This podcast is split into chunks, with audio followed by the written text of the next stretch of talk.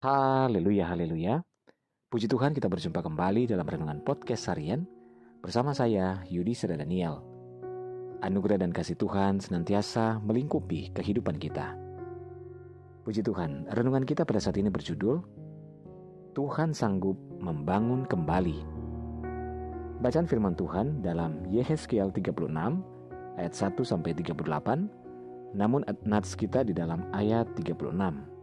Firman Tuhan berkata, "Dan bangsa-bangsa yang tertinggal yang ada di sekitarmu akan mengetahui bahwa Akulah Tuhan yang membangun kembali yang sudah musnah dan menanami kembali yang sudah tandus.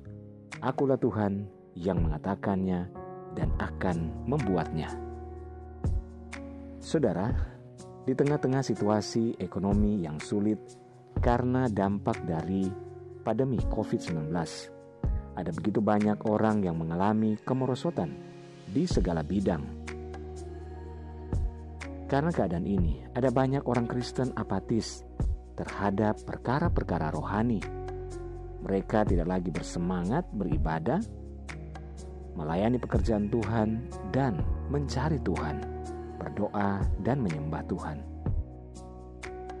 Tetapi tak seharusnya pandemi ini membuat kita kehilangan semangat dan kerinduan untuk mencari Tuhan. Justru haruslah sebaliknya, kita makin bersungguh-sungguh dan bersemangat di dalam Tuhan dan semakin hidup melekat kepada Tuhan, bukan sebaliknya. Saudara sekalipun, musim kehidupan di dunia ini berubah, namun kita tidak harus terbawa arus. Kita harus tetap percaya bahwa kita punya Tuhan yang tidak pernah berubah. Kasihnya, kasihnya dan kuasanya tetap sama. Yesus Kristus tetap sama, baik kemarin maupun hari ini dan sampai selama-lamanya. Kita punya Tuhan yang sangat ahli dalam membuat keajaiban.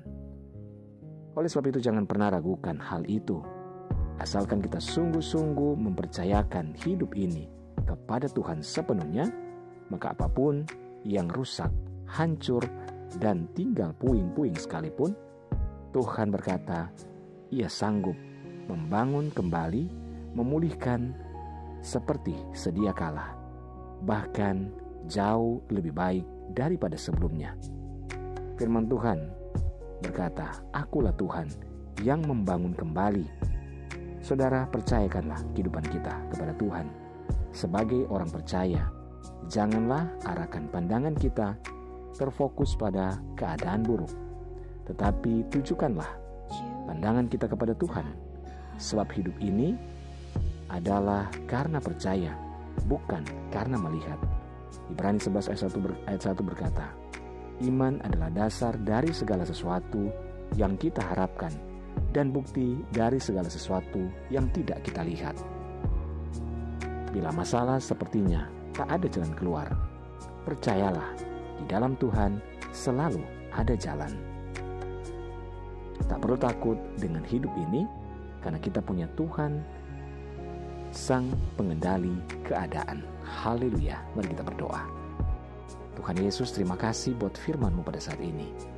Tuhan kami percaya Engkau Tuhan yang sanggup membangun kembali segala sesuatunya yang sudah runtuh Keadaan seburuk apa pun, Tuhan sanggup mengubahnya menjadi kebaikan bagi setiap kami, orang-orang yang percaya kepada Tuhan. Kami bersyukur, kami serahkan hidup kami dan berserah kepada Tuhan. Bapa, hamba menyerahkan dan berdoa buat seluruh pendengar dengan podcast harian ini, di mana pun berada.